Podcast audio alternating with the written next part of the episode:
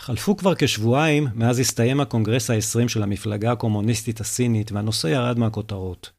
אבל סין לא הולכת לשום מקום, והקונגרס היווה הזדמנות מצוינת ללמוד על עתידה של סין מן הבחינה הכלכלית, הביטחונית ומבחינת מדיניות חוץ. במיוחד מעניין לנתח את נאומו של שי ג'ינפינג, שנבחר לכהונה שלישית כיושב ראש המפלגה הקומוניסטית הסינית, ששולטת ללא עוררין בסין. ממנו אפשר ללמוד רבות על כוונותיו ותוכניותיו עבור סין בעתיד הקרוב והרחוק. בפרק זה ננתח את הדברים בהיבט אסטרטגי וגאופוליטי, תוך שאנו מנסים להבין מהי באמת השקפת העולם של שי ג'ינפינג ומפלגתו, ולאן צועדת סין. בסופו של הפרק נרענן את ההערכה הקודמת לגבי מידת המסוכנות של סין לעולם החופשי. כאן רוני וייסמן, ואתם מאזינים למגרש עולמי. אז בואו נתחיל.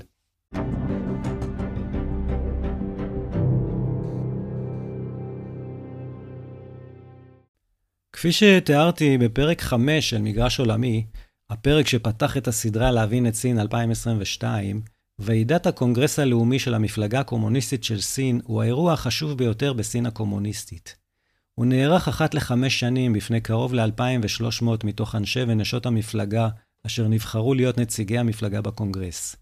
במסגרת האירוע, שנמשך כשבוע, בוחרים את הנהגת המפלגה הקומוניסטית, אשר כזכור היא זו ששולטת ללא עוררין על סין. שיאו התוכני של האירוע הזה הוא הנאום שנושא היושב ראש המכהן של המפלגה, שהוא רשמית דין וחשבון שהוא נותן לחברי הקונגרס על ההישגים והכישלונות, בסוגריים אני אומר שכמובן של המפלגה הקומוניסטית אין כאלה, של חמש השנים האחרונות ופירוט היעדים והתוכניות של המפלגה הקומוניסטית לחמש השנים הבאות. אין אירוע דומה ברמת סין כמדינה, כיוון שמבחינת המפלגה הקומוניסטית, המפלגה היא הישות החשובה ביותר במדינה, והיא זאת שמכתיבה לה את מדיניותה. מי שכיהן שתי קדנציות בתפקיד הבכיר ביותר של יושב ראש המפלגה הקומוניסטית, וכן כנשיא סין וכיושב ראש הוועדה הצבאית המרכזית, כלומר מנהיג הצבא הסיני, הוא שי ג'ינפינג. כבר לפני כארבע שנים הצליח ג'ינפינג להכניס שינויים בחוקת המפלגה הסינית, שמבטלת מגבלה על פיה יושב ראש של המפלגה לא יכול לכהן יותר משתי כהונות רצופות. שי הצליח להכניס תיקון דומה גם לחוקת המדינה, שמבטלת את מגבלת מספר הכהונות של נשיא סין. כפי שהיה צפוי, שי נבחר בעקבות זאת לכהונה שלישית כיושב ראש המפלגה, מה שמלמד על כך שהוא ביצר לו כוח אדיר במוסדות המפלגה. הבחירה עצמה התרחשה לקראת סוף המושב. ביום הראשון הופיע שי ג'ינפינג בפני באי הקונגרס כדי לנאום את עיקרי הדוח שלו למפלגה. בשונה מהטררם והתהילה שאפיינו את הופעתו של שי ג'ינפינג לפני באי הקונגרס הקודם, ה-19 של המפלגה הקומוניסטית הסינית, שנערך לפני חמש שנים, הייתה תחושה שהפעם האווירה יותר מאופקת. זאת על רקע הבעיות המאתגרות את סין כיום מבית ומבחוץ. ואני מתכוון כמובן למגפת הקורונה שעדיין לא הסתיימה בסין, ואשר גוררת עדיין סגרים נרחבים ותורמת להאטה בכלכלה, למצב הבלתי יציב של תעשיית מימון הנדל"ן בסין, לירידה בצמיחה הכלכלית ולעוינות ההולכת וגוברת כלפי סין, בעיקר מצד ארצות הברית, אשר תורמת למתיחות הביטחונית ופוגעת אף היא בכלכלה של סין. אולי זו הסיבה שהמילה ביטחון הוזכרה בנאומו של שי 73 פעמים. הפרק הראשון של נאומו של שי ג'ינפינג, נאום שאגב נמשך כשעתיים, מהווה כרבע ממנו, והוא מסכם את הישגיה של המפלגה בחמש השנים האחרונות. שי אף פעם לא לוקח לעצמו קרדיט אישי, תמיד מדבר על הישגי המפלגה הקומוניסטית, אך כיוון שעמד בראשה באותה תקופה, ברור לכולם מי הוא חושב שאחראי להישגים האלה. שאר הפרקים של הנאום עוסקים במטרותיו ובתוכניותיו של שי ושל מפלגתו לחמש השנים הקרובות ואף מעבר לכך. מפרקים אלה ניתן להסיק על תפיסת העולם המעודכנת של ג'ינפינג ועמו המפלגה לגבי התנהלות סין מבית ועל יחסיה עם העולם הסובב אותה. מהם הדברים שאותם היא רואה כאיום על המפלגה ועל סין, ומהם הדברים אותם היא שמה לה כיעדים עבור העם הסיני ויחסי החוץ של המדינה הסינית.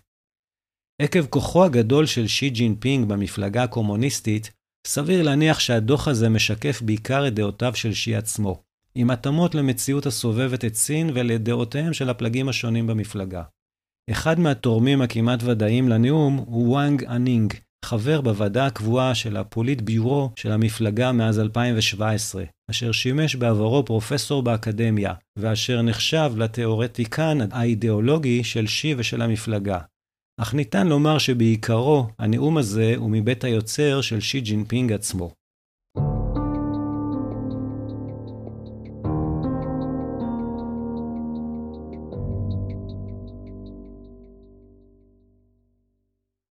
הנאום פתח בטפיחה על השכם של המפלגה הקומוניסטית, שקמה לדברי שי כדי לקיים ולבסס סוציאליזם בעל מאפיינים סיניים, לדאוג לרווחת העם הסיני ולהגשים את התחייה הלאומית הסינית. כאמור, החלק הראשון של הנאום עסק בהישגיה של המפלגה הקומוניסטית בחמש השנים האחרונות. אעבור עליהם בקצרה כי זה מעניין לשמוע מה נחשב בעיני שי והמפלגה הקומוניסטית כהישגים. ההישג הראשון אותו הוא מונה הוא ההצלחה במלחמה במגפת הקורונה. הוא אומר, שמנו את האנשים וחייהם מעל לכל דבר אחר ומימשנו בעקשנות מדיניות של אפס קורונה. כלומר, אין פה שמץ של הודאה בטעות כלשהי באופן הטיפול במגפה. מן הסתם מרמז גם על המשך השימוש באותה מדיניות. ההישג השני שבוחר שי ג'ינפינג לפרט הוא הטיפול הנמרץ שעשו השלטונות במחאות שהתרחשו בהונג קונג, על רקע הניסיונות לשמר בה קורטוב של דמוקרטיה. שי אומר, הפעלנו את סמכות השיפוט של סין והבטחנו שהונג קונג תישלט על ידי פטריוטים. הודות למהלכים האלה, הסדר הוחזר על כנו. ההישג השלישי הוא לדבריו ההצלחה בטיפול בסוגיית טיוואן. הוא אומר, נלחמנו ללא היסוס כנגד הבדלנות בטיוואן והפרעות מבחוץ, תוך שאנו מראים נחישות ואת יכולתנו לשמור על ריבונותה של סין ושלמותה הטריטוריאלית. חיזקנו את היוזמה האסטרטגית שלנו לייחודה המוחלט של סין ופעלנו לתמיכה בעיקרון של סין אחת בקהילייה הבינלאומית. בסין ישנה שכבה לא קטנה של לאומנים, תופעה שחלקה התרחשה באופן ספונטני וחלקה טופחה על ידי המפלגה. שי בבירור פונה בדברים האלה אל אותם לאומנים. בפועל, מה שעשתה סין זה להטריד את שמי וחופי טיוואן מדי יום על ידי חדירה למרחב הטריטוריאלי שלה, ביצעה תמרונים צבאיים, ואיימה בהפעלת כוח כדי להרתיע את ארצות הברית וגורמים אחרים מלקדם בטיוואן שאיפות לעצמאות. ההישג הרביעי אותו מונה ג'ינפינג הוא פעילותה הדיפלומטית של סין בעולם. הוא נוקט מילות תואר קשות יותר מאשר נקט בהן בעבר לתיאור העוינות שהתעוררה כלפי סין. הוא אומר, אל מול שינויים דרסטיים בנוף הבינלאומי, בעיקר ניסיונות חיצוניים לסחוט, לבלום, לחסום ולהפעיל לחץ מקסימלי על סין, שמנו את האינטרסים של סין ראשונים, התמקדנו בדאגות הפוליטיות הפנימיות שלנו, ושימרנו נחישות אסטרטגית נוקשה. מין מכבסת מילים חסרת משמעות מעשית, שבאה בעיקר לומר, הגבנו לעוינות, אנחנו לא יזמנו שום דבר שלילי. כעת נעבור לחלק החשוב יותר של נאומו של שי ג'ינפינג. זה העוסק ביעדיה ותוכניותיה של המפלגה הקומוניסטית לעתידה של סין. אני מדלג על הפרקים העוסקים בעתיד המפלגה עצמה, בפיתוח המרקסיזם בגוון סיני ובחיזוק מעמדה. פחות מעניין כרגע. לגבי עתידה של כלכלת סין, יש הרבה מאוד התייחסויות בנאום. יש פה דברים ששמענו בנאומים קודמים, חיזוק של דברים אחרים וגם אמירות חדשות. ראשית אומר שי, המטרה העליונה ביותר של המפלגה הקומוניסטית היא שיפור הרווחה ורמת החיים של העם הסיני. שימת הרווחה הכלכלית במקום כה חשוב, דבר שאינו חדש, כך היה בכל נאומיו של שי ג'ינפינג, מלמדת משהו על סדרי העדיפויות שלו. טיוואן למשל נדחקת לסוף הנאום. נדבך עיקרי במאמץ למימוש המטרה של שיפור רווחת העם רואה שי בשיפור חלוקת העושר, או השוואת ההכנסה.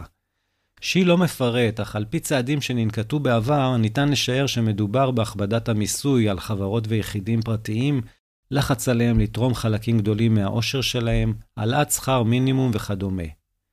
כמו כן אומר שי, המפלגה תדאג להגדיל את רמת התעסוקה, לשפר את הביטחון הסוציאלי ולקדם את יוזמת הבריאות לכל של סין. מעניין לדעת שבמדינה קומוניסטית אין עדיין בריאות זמינה וזולה לכל אדם. עוד באותו נושא מדגיש שי את הצורך לפתח את אזורי הכפר. ישנו פער גדול מאוד בין רמת ההכנסה והחיים של אנשים באזורים הכפריים של סין לבין אלה שחיים בעיר, בעיקר בערים הגדולות. ההערכה היא שהמעבר המסיבי של אוכלוסייה מן הכפר אל העיר בסין, בסין קרובה למצות את עצמה, ושי רוצה להפנות כעת משאבים גדולים יותר לפיתוח האזורים הכפריים ותושביהם. כל האמצעים האלה, אומר שי, נועדו להשגת שגשוג משותף, common prosperity, שאני מעדיף לתרגם אותו כשגשוג לכל. ג'ינפינג משתמש רבות במטבע הלשון הזאת בנאומיו מהזמן האחרון. התפיסה הזו של שגשוג לכל של המפלגה הקומוניסטית מסבירה חלקית את ההתגוללות של ג'ינפינג על החברות הפרטיות הגדולות ועל המנכ"לים שלהם, כמו ג'ק מה מעליבאבא.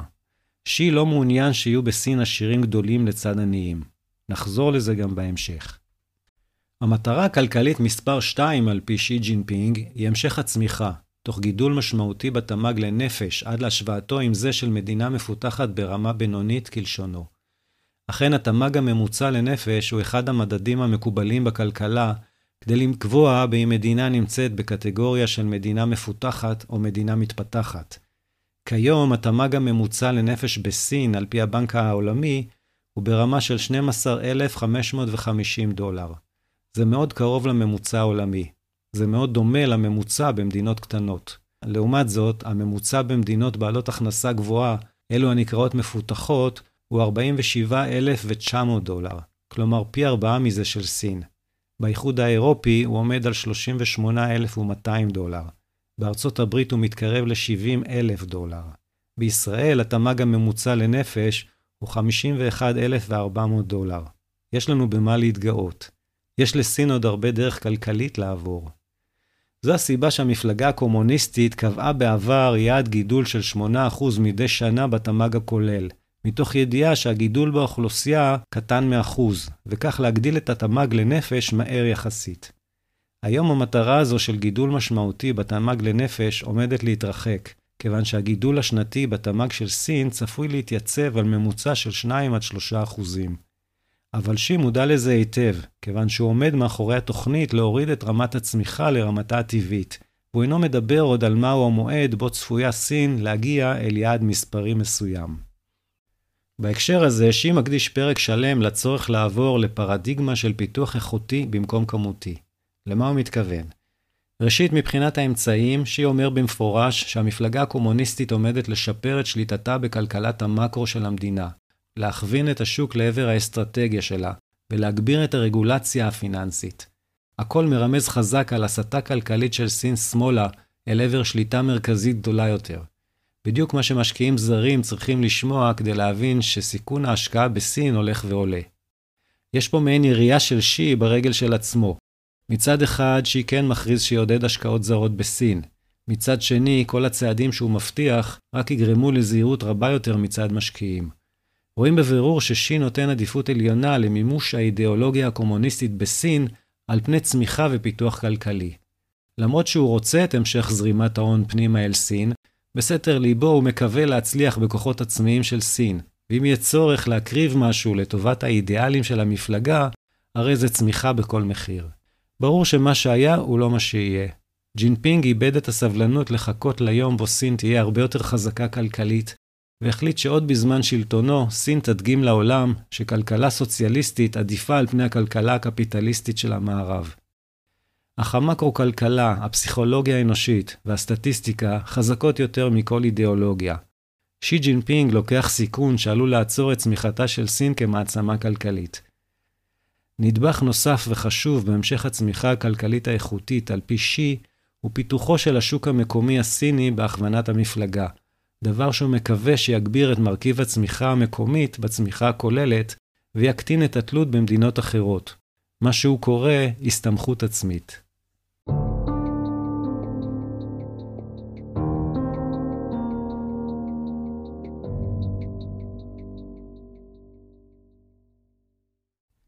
מטרה שלישית היא להפוך לאחת המדינות המובילות בתחום המדע, הטכנולוגיה והחדשנות, כדי להגיע ליכולת לספק את כל צרכיה הטכנולוגיים בעצמה.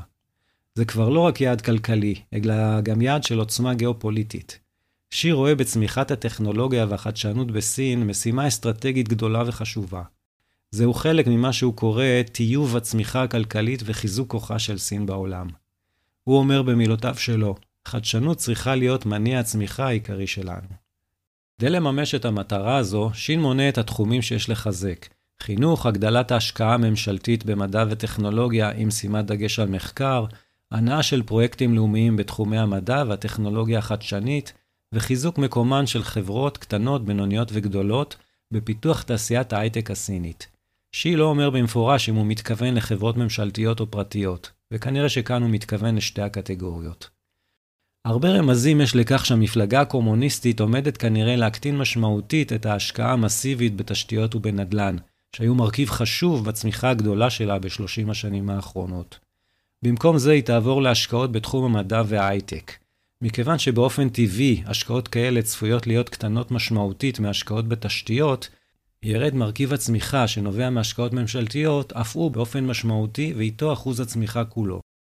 הרבה רמזים יש לכך שהמפלגה הקומוניסטית עומדת כנראה להקטין משמעותית את ההשקעה המסיבית בתשתיות ובנדל"ן, שהיו מרכיב חשוב בצמיחה הגדולה שלה בשלושים השנים האחרונות.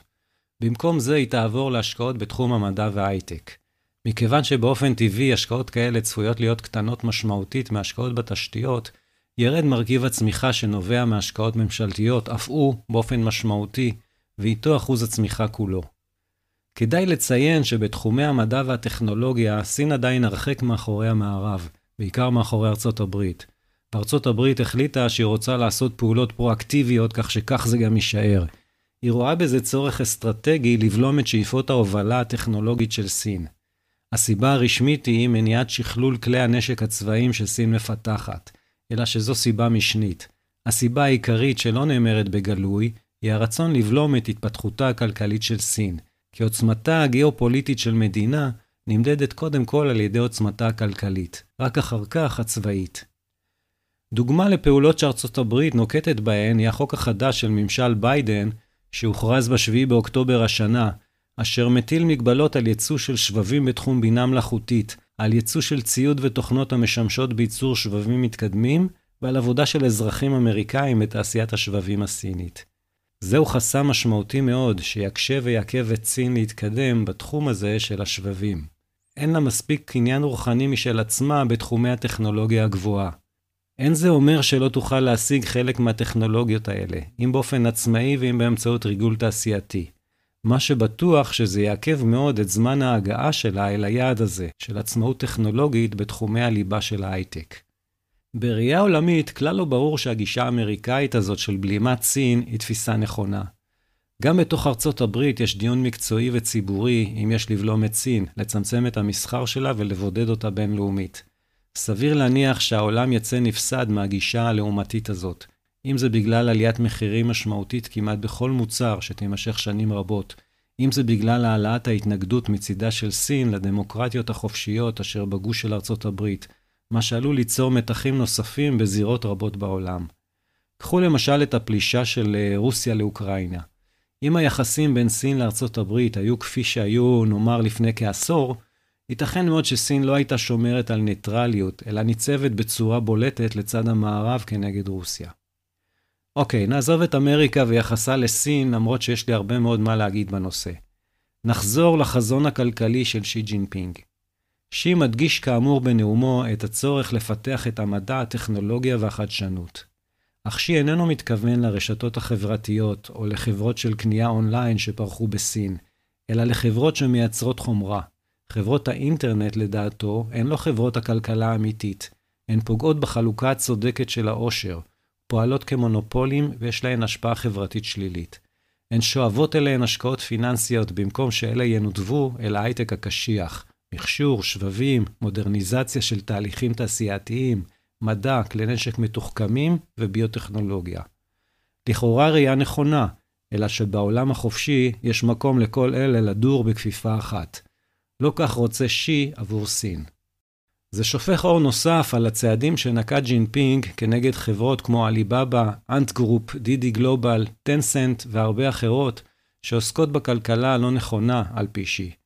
כמובן שזה בנוסף לחשש מכך שהנהלותיהן של החברות האלה רכשו כוח עד כדי איום פוטנציאלי על שליטת המפלגה הקומוניסטית בסין.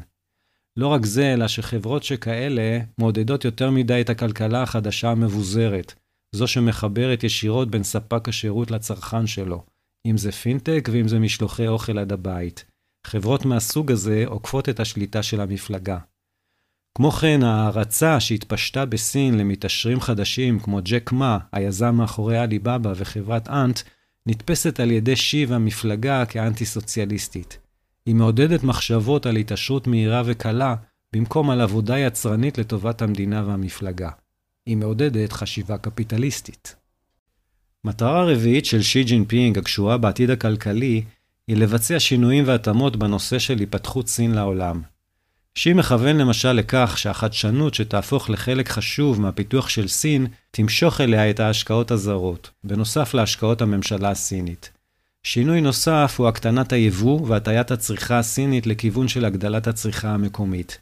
מכאן שבשינויים בתחום של הרפורמות הכלכליות והפתיחות לעולם, הוא בעצם מכוון לאסימטריה. זרים ישקיעו בסין, סין תמשיך לייצא סחורות, אבל סין תייבא פחות ואולי גם תשקיע פחות בעולם. יש פה הגברה של מנגינה שהתחלנו לשמוע בנאומים הקודמים שלו מהשנים האחרונות, כאשר החל להפנים את ההבנה שהעולם מתרחק אט-אט מסין. וכפי שכבר הזכרתי, חלק משמעותי בקיזוז הבעיה הזאת רואה שי בפוטנציאל שיש בעולם השלישי, שעשוי להיות בין השווקים הצומחים ביותר בעתיד. מה שהחל כיוזמת החגורה והדרך עבר התאמות, אך נמשך. שי מקווה שבעתיד יהווה דרום כדור הארץ יעד הולך וגדל לייצוא של סין.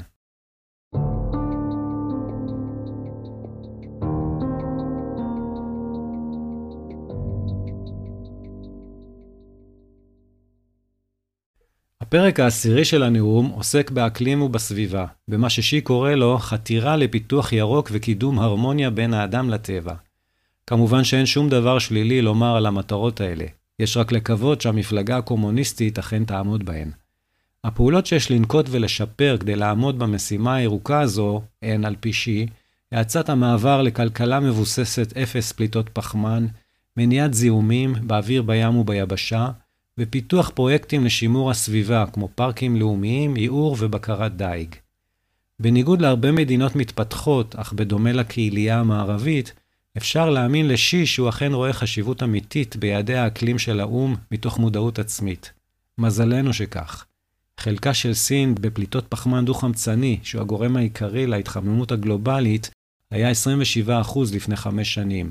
סין עדיין המדינה שתורמת את החלק הארי של פליטות גזי החממה. הבעיה הכי גדולה שנובעת מהתרחקותה של ארצות הברית מסין, והלחץ שהיא מפעילה על מדינות דמוקרטיות נוספות לעשות זאת, במקום לעבוד דיפלומטית על שיפור היחסים עם סין, היא בדיוק בתחום הסופר חשוב הזה של ההתחממות הגלובלית. היום כבר ברור שהעולם לא יעמוד במטרה שהוצבה בהסכם פריז להגביל את ההתחממות הגלובלית למעלה וחצי צלזיוס. והיום כבר ברור שכדי לנסות ולהישאר קרוב ככל האפשר ליעד הזה, לא מספיק שכל מדינה תעשה לביתה, מה שגם כן עדיין לא קרה, אלא שיש גם צורך בהעברת כספים מהמדינות החזקות למדינות החלשות, כדי שגם הן תפעלנה בצורה נמרצת כדי לעמוד ביעדי האקלים. בפרק ה-12 של הנאום, שי עובר לדבר על היעדים עבור הצבא הלאומי הסיני. אלו הם שניים עיקריים, המשך תהליך המודרניזציה של הצבא, והמשך הכפפתו המוחלטת למפלגה הסינית במקום למדינה הסינית. שי מבקש להכניס יותר מדע וטכנולוגיה למערכות הצבאיות ולכלי הנשק, לשלב טכנולוגיות מידע ומנגנונים חכמים, ולחזק את המפלגה בכל דרגי הצבא כדי להבטיח שהם תמיד יצייתו לפקודות המפלגה. שיב המפלגה הקומוניסטית נמצאים בחשש מתמיד מפני אפשרותה של הפיכה צבאית, דבר שקרה עשרות פעמים במדינות בעלות משטר דיקטטורי.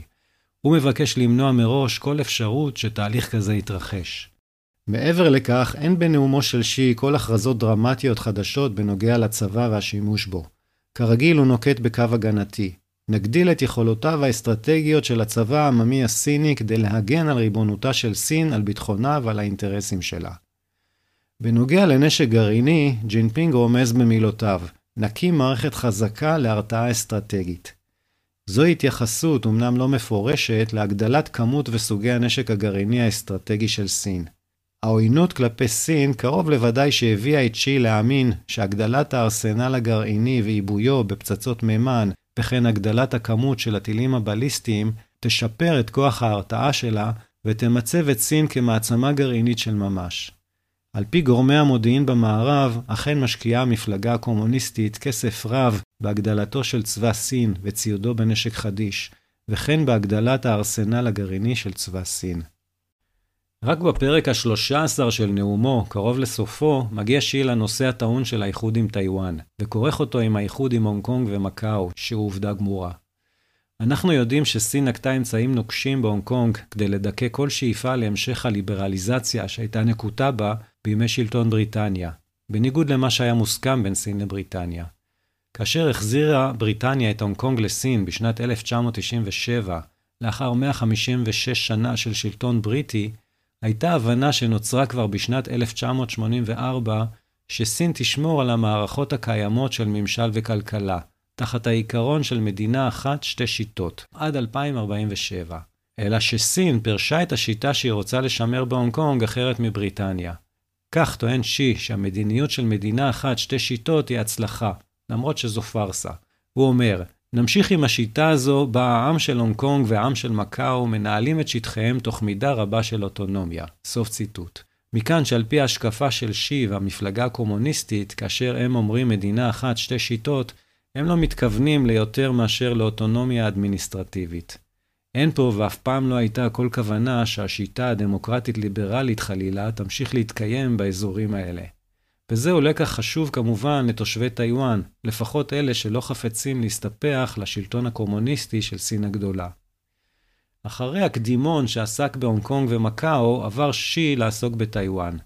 שי מתאר את התזה שלו, הגורסת הפרדה בין אותה אוכלוסייה בטיוואן המעוניינת באיחוד עם סין, אותה סין תמשיך לחבק ולעודד, לבין האוכלוסייה המבקשת טיוואן עצמאית, בה תיאבק סין בכל כוחה. אחר כך הוא חוזר על הכרזותיו המוכרות מנאומיו הקודמים. שי אומר, טיוואן שייכת לסין. פתרון שאלת טיוואן הינו עניין שייפתר על ידי הסינים. נמשיך לחתור לאיחוד בדרכי שלום, אך לעולם לא נבטיח לזנוח את השימוש בכוח, ואנו שומרים את האופציה לנקוט בכל האמצעים הנדרשים. הדברים האלה מופנים אך ורק כנגד כוחות חיצוניים שמתערבים בנושא, בסוגריים כי ארצות הברית והמערב. והוא ממשיך, וכנגד אותם בדלנים מעטים ששואפים לטיוואן עצמאית. סוף ציטוט. אנחנו יודעים שהרוב בטיוואן דוגל בהמשך ההפרדה המדינית מסין, אך מתנגד להכריז באופן נחרץ על מדינה עצמאית מתוך חשש מסין.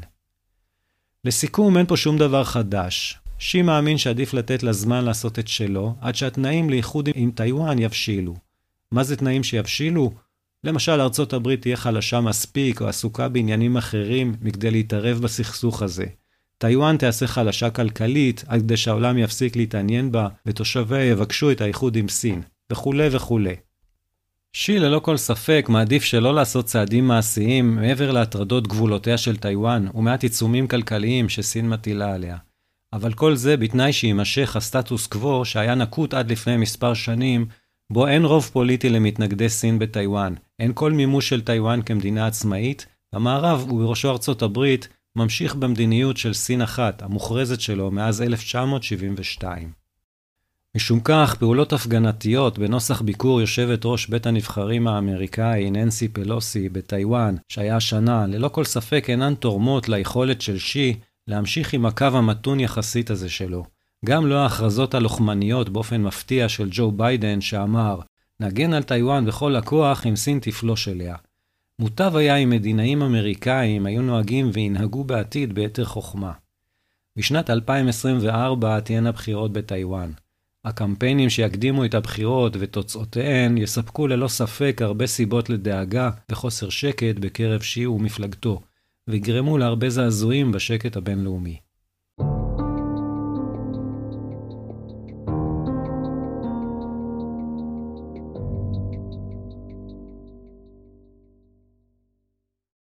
הפרק הבא בנאומו של שי, והאחרון שאגע בו, נגע אף הוא ביחסים בינלאומיים.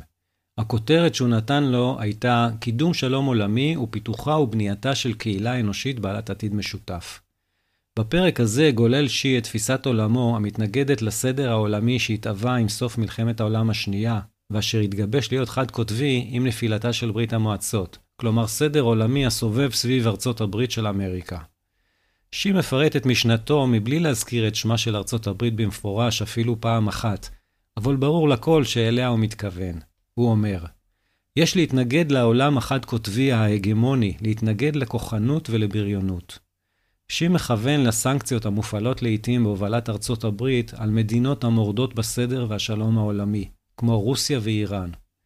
והוא ממשיך, יש לקדם סדר עולמי המבוסס על רב-קוטביות, המעשים ההגמוניים, החד-צדדיים והבריוניים, תוך שימוש בכוח כדי לאיים על החלש, לקחת את ששייך לו בכוח ובמרמה, ולשחק משחקי סכום אפס, גורמים לנזק כבד. מילים קשות. צריך להבין ששי ג'ינפינג לא אומר את זה בהכרח מעמדה של כוחנות, אלא מעמדתו של הנפגע. למרות שסין הרוויחה רבות מהפתיחות לארצות הברית ואחר כך למערב כולו, אם זה כתוצאה ממסחר פתוח, השקעות בשני הכיוונים וידע מדעי וטכנולוגי רב שעבר אליה, שי מרגיש שהצעדים שארצות הברית נוקטת מצידה כנגד סין בשנים האחרונות, גורמים לכך שסין יותר נפגעת מאמריקה מאשר מרוויחה ממנה. אם זה בגלל העלאת חומות מכס בתחילה שפגעו במסחר, אם זה באמצעות לחץ דיפלומטי וצבאי בעקבות החששות מהשאיפות של סין בים סין הדרומית ובטיוואן, אם זה בגלל סנקציות כלכליות שהיא חוששת שיוטלו עליה בגלל דיכוי זכויות הפרט בסין, ואם זה בגלל מגבלות שמטיל הממשל בארצות הברית על העברת ידע, סחורות וציוד מתקדם מארצות הברית לסין. המענה של סין לכך הוא פנייה אל העולם ליצור סדר עולמי רב-קוטבי, שבו אין לארצות הברית כל מעמד מיוחד. על פי הפילוסופיה המדינית של המפלגה הקומוניסטית, לא פוסלים אף מדינה ריבונית, יהיה המשטר באשר יהיה, גם אם הוא עריץ, ואל לה לאף מדינה להתערב בענייניה הפנימיים של כל מדינה אחרת. סין מחזיקה בדעות אלה משתי סיבות עיקריות. ראשית, כי הרי גם כנגד סין טוענים טענות של רודנות ודיכוי אזרחים, ולכן היא איננה מעוניינת בכל תקדים של לחץ על מדינה בגלל עריצות דומה. שנית, סדר עולמי בו כל מדינה נחשבת באופן שווה, יחזק את מעמדה הבינלאומי של סין, הודות למדינות עולם שלישי רבות שמרגישות חייבות לסין בעקבות השקעות והלוואות שניתנו להן על ידיה. המדיניות הזאת של יצירת קשרים עם כל מדינה בעולם שמעוניינת בכך, יהיה משטרה אשר יהיה, די דומה אגב למדיניות החוץ הישראלית במשך תקופות מסוימות, בעצם עד היום. כנראה אופייני לכל מדינה שחשה שהיא בעמדת נחיתות דיפלומטית בינלאומית. אז כששומעים את הרטוריקה הזאת של המפלגה הסינית, מבינים את הסתירה הפנימית שסין נמצאת בה בעקבות פלישתה של רוסיה לאוקראינה. מצד אחד, אין התערבות יותר חזקה ואלימה בענייניה של מדינה אחרת מאשר לפלוש אליה בכוח צבאי, וסין הכירה ומכירה באוקראינה כמדינה ריבונית. מצד שני, סין מתנגדת להטלת סנקציות על כל מדינה, וכן יש לה אינטרסים עמוקים לשמור על יחסים טובים עם רוסיה. לכן היא מתנגדת לכל הפעולות שנקט המערב כנגד רוסיה. וכך החליט שי ג'ינפינג לשבת על הגדר, לא להפר את הסנקציות שהוטלו על רוסיה, אך לא להגביל את המסחר איתה, ולא לתמוך מדינית וצבאית ברוסיה, אך גם לא להצטרף לגינויים שלה באו"ם. גם אין כל תמיכה של ממש באוקראינה. בהמשך חשוב לשי להדגיש שחוסר תוקפנות היא אבן יסוד במדיניות החוץ של סין. הוא אומר, סין מתמידה עם מדיניות הגנה לאומית בלתי התקפית, והפיתוח שלה מחזק את כוחות השלום של העולם. לא משנה לאיזו רמה תגיע סין בהתפתחות שלה, היא אף פעם לא תשאף להגמוניה בינלאומית או תעסוק בהתפשטות עולמית. סוף ציטוט. זה נשמע מעודד, ואכן סין אף פעם בהיסטוריה שלה לא ניסתה להתפשט אל מעבר לשטחיה. הונג קונג הייתה תמיד מושבה סינית, וגם איי טיוואן היו חלק מסין, כך שאין פה סתירה. כך שמלבד ההתעקשות הבלתי נלאית להתאחד עם טיוואן, ועוד מספר מחלוקות לגבי כמה איים קרובים לחופיה, אפשר להאמין שאין לה כוונות התפשטות גיאוגרפיות. ישנן חששות במערב שסין רוצה שליטה מוחלטת על מעבר אוניות בים סין הדרומית, אך לפחות אין הצהרה מפורשת על כך בנאומו של שי. עד היום הראה שי ג'ינפינג שכאשר יש לו כוונות גיאופוליטיות, הוא מצהיר עליהן מראש. בהמשך הפרק הזה של נאומו, עובר שי ליחסים בינלאומיים שעיקרם כלכלי. הוא אומר, סין נצמדת למסלול הנכון של גלובליזציה כלכלית. היא שואפת לקדם ליברליזציה במסחר ובהשקעות, לקדם שיתופי פעולה דו-צדדיים, אזוריים ורב-צדדיים, ולהגדיל את התיאום המקרו-כלכלי העולמי. סין מתנגדת לפרוטקציוניזם, העלאת גדרות וחומות מסחריים, הינתקות כלכלית, הפרעה לשרשרות אספקה, הטלת סנקציות על ידי צד אחד וטקטיקות של הפעלת לחץ מרבי. סוף ציטוט. יש פה הבעת מחאה על ההתרחקות של העולם ממסחר גלובלי חופשי ועל הרצון של ארצות הברית להתנתקות מכל תלות כלכלית בסין. זה נכון ששי מתעלם בכוונה מפרוטקציוניזם והפרות של הסכמים בינלאומיים שנקטה סין מצידה לאורך השנים. לגביהן אפשר לומר שניסיון העבר הראה שבדיונים ומשא ומתן בדרך כלל הצליחו לשנות לפחות חלק מדרכיה של סין. אחת הדוגמאות היא נושא ההגנה על הקניין הרוחני, שסין שיפרה אותו משמעותית במשך השנים. חבל שארצות הברית זנחה את הרצון להידבר עם סין ובחרה בדרך העימות. עימות שהולך ומקצין וכבר מתקרב למיצוי כל אמצעי שאינו מלחמה של ממש.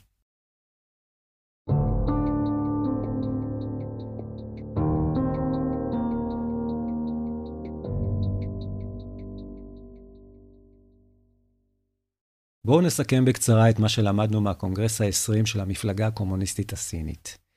ראשית, שי ג'ינפינג כצפוי נבחר לכהונה שלישית וכנראה לא אחרונה לתפקיד יושב ראש המפלגה הקומוניסטית הסינית. בוודאות כמעט מלאה תוארכנה גם הקדנציות שלו כנשיא סין וכראש הכוחות המזוינים הסיניים. כמו כן, הוועדה הקבועה של הפוליטביורו אוישה ברובה המוחלט בתומכיו. שי ג'ינפינג הפנים את העוינות והצעדים שנוקטת ארצות הברית כדי לבלום את הצמיחה של סין. נוסף על כך, יש את הקורונה שאינה דועכת בגלל ההתנגדות העקרונית של סין לקנות חיסונים מהמערב ומדיניות אפס קורונה הנמשכת. שי רואה במדיניות הזו הצלחה, מה שמרמז שכנראה גם תימשך עוד זמן רב למרות פגיעתה בכלכלת סין. נוסף על כך, יש את המצב הכלכלי העולמי שנראה שהולך לקראת מיתון, מה שיפגע אף הוא בצמיחה של סין. לכן שי ג'ינפינג משנה את המדיניות הכלכלית, אם כי לא באופן דרמטי. סין תפתח את השוק המקומי כדי להיות פחות תלויה בייצוא. סין תשקיע בפיתוח המדע והטכנולוגיה כדי ליצור חוסר תלות בטכנולוגיה מערבית. סין תפסיק לעודד השקעות בנדל"ן. סין תקטין מאוד השקעות בתשתיות כמו כבישים, רכבות, נמלים ושדות תעופה, שאפיינו את 30 השנים האחרונות, וסין כנראה לא מעוניינת עוד להגדיל את רמת החוב הלאומי שלה ולא לדלל את הרזרבות הפיננסיות שלה. התוצאה של כל אלה תתבטא בצמיחה שנתית של 2 עד 3 אחוזים למשך מספר לא ידוע של שנים קדימה. ג'ינפינג קורא לזה צמיחה איכותית. שי עושה רבות בנאומו להכין את המפלגה והעם הסינים לתקופה קשה יותר מאשר הורגלו אליה. מבחינת הדיפלומטיה ויחסי החוץ של סין אין כל חדש. יש אולי דגש יתר על התנגדות סין להגמוניה של ארצות הברית בסדר העולמי החד-קוטבי. אין ספק שהעוינות שחשה סין הופכת אותה בתגובה ליותר עוינת את המערב, בעיקר את ארצות הברית, ולפחות מוכנה לשתף איתה פעולה ביוזמות חשובות. הדבר ישפיע חזק ולרעה על מחירי המצרכים בעולם, על הכלכלה העולמית בכלל, אבל מה שיותר חשוב זה ישפיע לרעה על המלחמה בשינויי האקלים, שחיוני לה שיתוף פעולה בין מדינות, לא רק פעולות על ידי כל מדינה לעצמה. מבחינת טיוואן, שזהו הפוטנציאל המסוכן ביותר להתפרצות של עימות צבאי, הדבר נמצא יותר בידיים של המערב מאשר בידיים של סין, למרות שזה לא מה שתשמעו בהערכות המערביות. שי ג'ינפינג והמפלגה הקומוניסטית ממשיכים בקו של איחוד בדרכי שלום, אך הם חוששים מאוד מהאפשרות של שינוי בסטטוס קוו הדיפלומטי בעניין טיוואן. כל עוד טיוואן לא מממשת כל צעד אופרטיבי לקראת הפיכתה למדינה עצמאית, וכל עוד ארצות הברית ומדינות אחרות לא דוחפות אותה לעצמאות או לתחושות שווא שבמקרה של עימות צבאי יגנו עליה, סין לא תנקוט כל צעד מלחמתי. כך שמכל הבחינות, גם הצבאית וגם הכלכלית, סין נכון להיום אינה מהווה סכנה לעולם החופשי, בניגוד לדעה של מי שמכונים הניצים של מדיניות החוץ האמריקאית. יש לקוות שאלה לא ישתלטו לחלוטין על מדיניות החוץ האמריקאית, ושהשכל ינצח גם את החרדות הבלתי מבוססות וגם את השאיפות ההירואיות חסרות הסיכוי להנחיל בכוח השקפות דמוקרטיות ליברליות בעולם. אלו צריכות להופיע מתוך תהליכים פנימיים, ופנימיים בלבד.